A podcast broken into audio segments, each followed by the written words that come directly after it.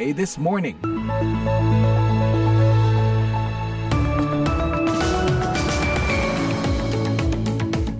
Selamat pagi pendengar, apa kabar? VOA This Morning kembali menyapa Anda pagi ini bersama saya Rifan Wiastono, produser Bani Rahayu dan teknisi Daryl Smith. Kami bersiaran langsung dari Studio 17 VOA di Washington DC. Nah, sebelum menikmati akhir pekan yang sudah di depan mata, seperti biasanya redaksi VOA sudah menyiapkan serangkaian berita hangat untuk Anda dalam edisi Jumat 14 April 2023. Di antaranya, Presiden Amerika Serikat Joe Biden sedang berada di tanah leluhurnya, Irlandia Utara, di mana selama dua hari ke depan, ia akan melangsungkan pertemuan dengan beberapa pemimpin dan anggota keluarganya. Dari semua mimpi mereka, saya tidak yakin mereka pernah bermimpi bahwa 175 tahun kemudian cucu buyut mereka akan menjadi presiden Amerika. Sebanyak 81 juta kaum milenial belum memiliki rumah. Pemerintah terus membangun hunian bersubsidi. Harganya saya kira juga terjangkau. Tadi yang ada subsidi FLPP-nya dijual 200 juta. Yang tidak ada subsidi ada yang 300 juta, ada yang 500 juta. Cicilannya juga. Jangan lupa siaran ini juga bisa Anda simak secara live streaming di situs kami www.voaindonesia.com atau dengarkan kapan saja lewat podcast VOA This Morning di platform podcast langganan Anda. Sebelum kita bahas dua informasi utama tadi, kita simak dulu berita dunia pagi ini.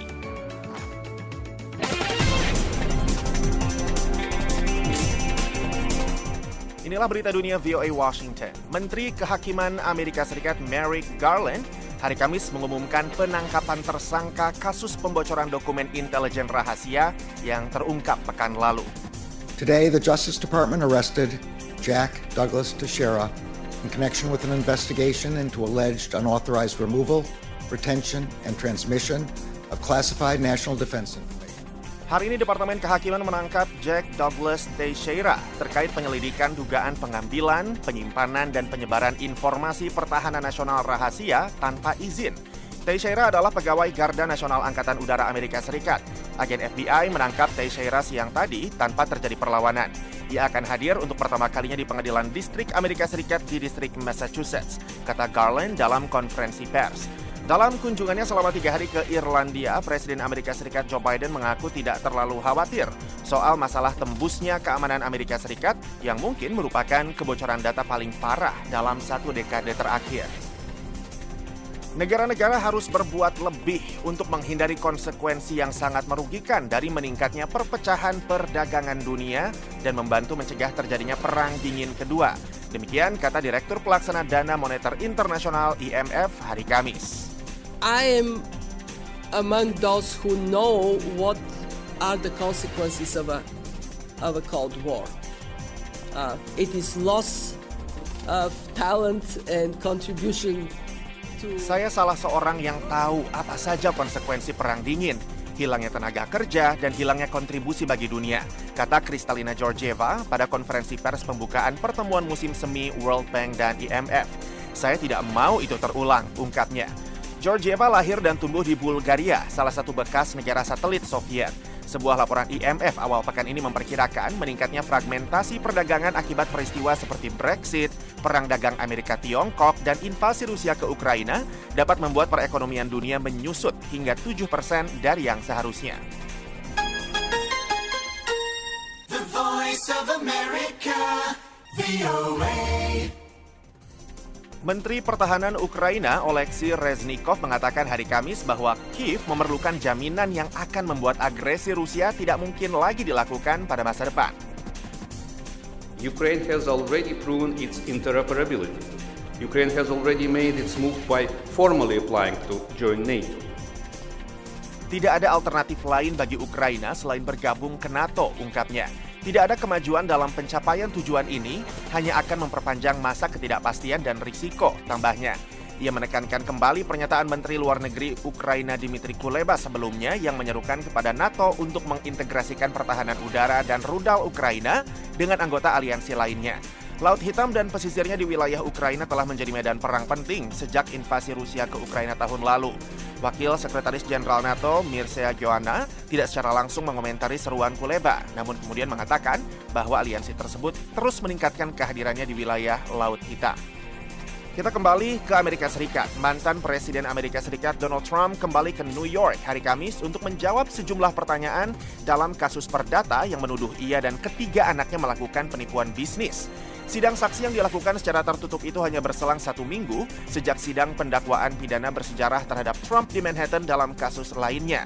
Politisi Partai Republik berusia 76 tahun itu akan dimintai kesaksiannya di bawah sumpah dalam kasus yang diajukan oleh Jaksa Agung Negara Bagian New York Letitia James. Kasus perdata ini konyol, seperti kasus-kasus intervensi pemilu lainnya yang dituduhkan kepada saya, tulis Trump di akun media sosial miliknya Truth Social. James menuntut Trump, Donald Trump Jr., Eric Trump, dan Ivanka Trump pada September tahun lalu dengan tuduhan telah melakukan penipuan luar biasa di Trump Organization. James mengatakan mereka memberikan pernyataan palsu tentang nilai kekayaan bersih Trump dan penilaian aset palsu untuk mendapatkan dan memenuhi syarat pinjaman, mendapatkan pembayaran asuransi, dan untuk membayar pajak lebih rendah. Sementara itu, anggota DPR Amerika Serikat dari Partai Republik pada hari Senin akan memulai penyelidikan atas tuduhan bahwa jaksa wilayah kota New York, Alvin Bragg, yang melayangkan dakwaan pidana terhadap mantan Presiden Donald Trump tidak memedulikan gelombang kasus kejahatan dengan kekerasan di kota New York. Bragg sendiri menggugat Jordan ke pengadilan federal dengan alasan Jordan menyusun sebuah serangan tidak tahu malu dan tidak konstitusional dalam sebuah kampanye yang secara terang-terangan mengintimidasi dan menyerang kantor jaksa wilayah. Demikian berita dunia VOA Washington.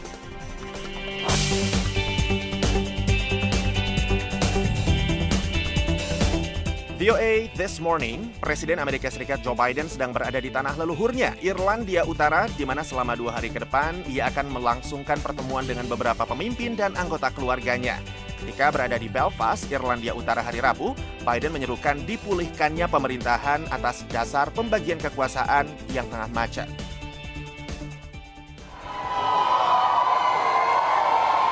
Pendengar, bagi seorang presiden Amerika yang kerap menonjolkan Irlandia sebagai asal-usulnya, lawatan Joe Biden ke Irlandia kali ini bagai pulang kampung. Every time I've come, the welcome, the people on the streets, they're just so so gracious to us. Setiap kali saya datang, sambutannya luar biasa. Orang-orang berdiri di jalan-jalan. Mereka sangat ramah pada kami. Ribuan orang berdiri di jalan-jalan untuk melihat sekilas Joe Biden, tak terkecuali warga Dundalk, Margaret Howard. Even though it's raining in Ireland, the sun's shining really in our hearts. and there's no show like a Joe show. Biden datang ke Carlingford Castle, satu peninggalan bersejarah yang terakhir kali dilihat kakek buyutnya Owen Finnegan ketika berlayar menuju New York tahun 1849. Biden bicara dengan warga lokal mengisahkan kembali Finnegan dan Joseph Kearney, kakek buyut mantan Presiden Barack Obama yang sama-sama bekerja sebagai pembuat sepatu di daerah-daerah sekitarnya. Dan mereka bermigrasi ke Amerika pada saat yang kurang lebih sama. I'm not sure they could have imagined that 175 years later. Dari semua mimpi mereka, saya tidak yakin mereka pernah bermimpi bahwa 175 tahun kemudian cucu buyut mereka akan menjadi Presiden Amerika, Barack Obama dan Joe Biden. Saat menyeberangi perbatasan di Belfast, Irlandia Utara, Rabu pagi, Biden memuji perdamaian selama 25 tahun yang tercapai berkat Good Friday Agreement yang mengakhiri konflik soal apakah wilayah ini bergabung dengan Irlandia atau tetap menjadi bagian dari Inggris Raya. Biden menyerukan agar pemerintahan dengan berbagi kekuasaan yang telah ambruk karena boykot dan pertikaian politik itu segera dipulihkan. As a friend, Sebagai seorang teman, saya harap tidak terlalu lancang jika saya mengatakan saya yakin institusi demokrasi yang dibentuk dalam Good Friday Agreement itu akan tetap penting bagi masa depan Irlandia Utara. Jika pembagian kekuasaan dipulihkan kembali, ia mengisyaratkan akan lebih banyak investasi dari perusahaan-perusahaan Amerika yang masuk. Pesan yang juga disampaikan oleh Perdana Menteri Inggris Rishi We Sunak. talked about the investment potential that is there, the companies that want to invest in Northern Ireland. I think that's incredibly exciting. It will bring growth, jobs, and prosperity to Northern Kami Ireland. berbicara And I know he tentang potensi investasi yang ada, perusahaan-perusahaan yang ingin berinvestasi di Irlandia Utara. Saya kira ini luar biasa menggembirakan. Hal ini akan membawa pertumbuhan, lapangan pekerjaan, dan kemakmuran ke Irlandia Utara. Dan saya tahu Biden memiliki ambisi seperti saya, yaitu ingin melihat institusi-institusi ini kembali berjalan. Ini yang layak diterima oleh orang-orang dan bisnis di Irlandia Utara. Biden pada hari Kamis ini melangsungkan pembicaraan dengan sejumlah pemimpin Irlandia dan mengakhiri lawatannya Jumat malam dengan berpidato di Balina, daerah leluhurnya dari pihak ayah, yang terletak di pesisir barat Irlandia. Demikian laporan tim VOA.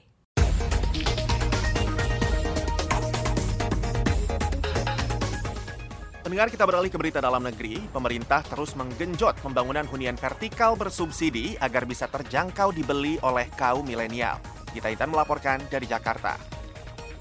Presiden Jokowi menginstruksikan kepada seluruh jajarannya untuk terus membangun hunian vertikal dengan konsep Transit Oriented Development atau TOD tidak hanya di Jabodetabek namun juga di kota-kota besar lainnya di seluruh Indonesia. Hal tersebut disampaikannya ketika meresmikan hunian milenial untuk Indonesia di Samesta Mahata Margonda Depok, Jawa Barat Kamis 13 April. Menurutnya dengan fasilitas pendukung yang ada seperti terintegrasi dengan transportasi publik dan harga yang cukup terjangkau, maka semakin besar kesempatan bagi generasi milenial untuk dapat membeli rumah tinggalnya sendiri. Harganya saya kira juga terjangkau. Tadi yang ada subsidi FLPP-nya dijual 200 juta. Yang tidak ada subsidi ada yang 300 juta, ada yang 500 juta. Cicilannya juga murah. Sehingga sangat pas sekali kalau untuk hunian anak-anak muda kita, hunian milenial ini. Dalam kesempatan yang sama, Menteri BUMN Erick Thohir cukup yakin pembangunan hunian vertikal tersebut akan mampu mengatasi masalah keterbatasan lahan, utamanya di kota-kota besar. Selain itu, dengan harga yang cukup terjangkau, maka puluhan juta anak muda Indonesia bisa segera memiliki rumah. Bapak Presiden juga bicara 58 persen penduduk Indonesia hari ini di bawah 40 tahun, 81 juta generasi milenial dengan status yang berbeda belum mendapatkan fasilitas rumah. Karena itu Bapak, kami dengan Kementerian PR waktu itu berinisiasi untuk mengkoordinasikan seluruh BUMN yang hadir. Ada Perumnas, ada BTN, PLN, Konsep hunian TOD, kata Erik, setidaknya sudah dibangun di tujuh lokasi, yakni Depok, Jakarta, Tangerang, Bogor, dan Karawang, dengan total pendanaan 5 triliun rupiah dan 8.348 unit. Sampai detik ini, katanya, tingkat pembeliannya pun sudah mencapai 65 persen, di mana 41 persen di antaranya dibeli oleh kalangan milenial. Sementara itu, ekonom Core Indonesia Muhammad Faisal sependapat dengan pemerintah bahwa kebijakan ini bisa mendorong lebih banyak lagi kaum anak muda Indonesia untuk bisa membeli tempat tinggal mereka sendiri. Pasalnya pada masa sekarang ini, kecepatan kenaikan harga lahan dengan kenaikan pendapatan tidak berbanding lurus. Namun di sisi lain, ujarnya pemerintah harus memperhatikan dengan seksama pengaturan terkait batasan kepemilikan lahan. Seperti halnya di negara-negara lain, rancangan undang-undang yang mengatur batasan kepemilikan lahan harus segera dibuat. Pas Pasalnya jika tidak diatur, maka bukan tidak mungkin harga-harga lahan akan diatur oleh para spekulan atau sekelompok masyarakat yang memiliki modal besar untuk membeli lahan yang seluas-luasnya. Nah, di banyak negara kan kepemilikan lahan itu banyak aturannya, termasuk masalah lu. Itu yang masih dilakukan oleh pemerintah. Di 2014 itu sudah pernah ada rancangan undang-undang yang mengatur batasan kepemilikan lahan. Tapi RUU itu tidak lolos. Padahal itu bagus menurut saya untuk menahan laju kenaikan harga lahan. Dari Jakarta, Gita Intan melaporkan untuk VOA Washington.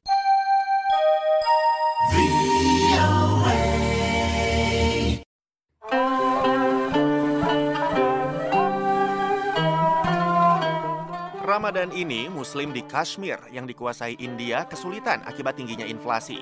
Mereka menahan diri untuk menyediakan makanan yang mewah, namun tidak meredam semangat beramal dalam bulan suci. Di Srinagar, di ibu kota Kashmir yang dikuasai India, setiap hari jemaah memadati Masjid Sheikh Abdul Qadir Jilani. Mudasir Jilani telah menjadi imam di masjid tersebut dalam beberapa tahun terakhir. Bulan suci Ramadan mengingatkan kami pada penderitaan orang miskin. Seseorang tidak akan memahami rasa lapar yang diderita orang miskin sampai dan kecuali kalau ia sendiri berpuasa. Nabi kami dan Quran telah memerintahkan kami untuk berpuasa dalam bulan ini. Di tempat lain, Masjid Jamia yang berusia 600 tahun, biasanya ribuan jamaah datang untuk sholat selama Ramadan. Bangunan dari batu bata dan kayu ini merupakan salah satu masjid tertua di Srinagar. Karena berkali-kali menjadi pusat protes anti-India dan bentrokan, masjid ini ditutup. Penutupan ini bagian dari tindakan keras sejak 2019 setelah pemerintah India mencabut status semi-otonom yang telah lama dipegang wilayah Kashmir. Pasar-pasar di Srinagar ramai. Orang-orang membeli makanan dan camilan untuk berbuka puasa. Tetapi kali ini mereka merasakan tekanan inflasi. Penduduk Srinagar yang sedang berbelanja, Muzaffar Ahmed, merasa terpukul oleh harga yang sangat tinggi.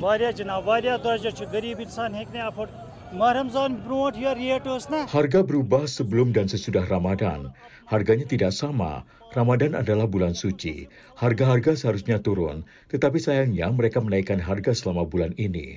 Orang miskin tidak mampu membayar harga makanan yang begitu tinggi. Semuanya mahal, baik itu buah maupun sayuran. Athrut, lembaga swadaya masyarakat yang berbasis di Srinagar, mengambil langkah-langkah supaya orang yang tidak mampu tidak terlalu terimbas inflasi, karena bahan pangan seperti beras, tepung, dan minyak nabati sulit didapat tim relawan mengemas paket khusus sembako Ramadan di kantor LSM tersebut.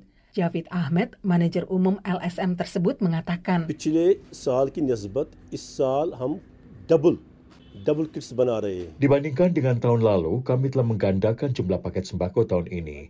Kami merasa kenaikan inflasi memperburuk kondisi keuangan masyarakat. Akibatnya kami sibuk luar biasa. Selain organisasi amal, jamaah di masjid-masjid dan musala-musala menyediakan buka puasa bagi komunitas. Suasana sedih ketika jamaah mengangkat tangan dan berdoa bagi perdamaian di wilayah yang dilanda kekerasan itu.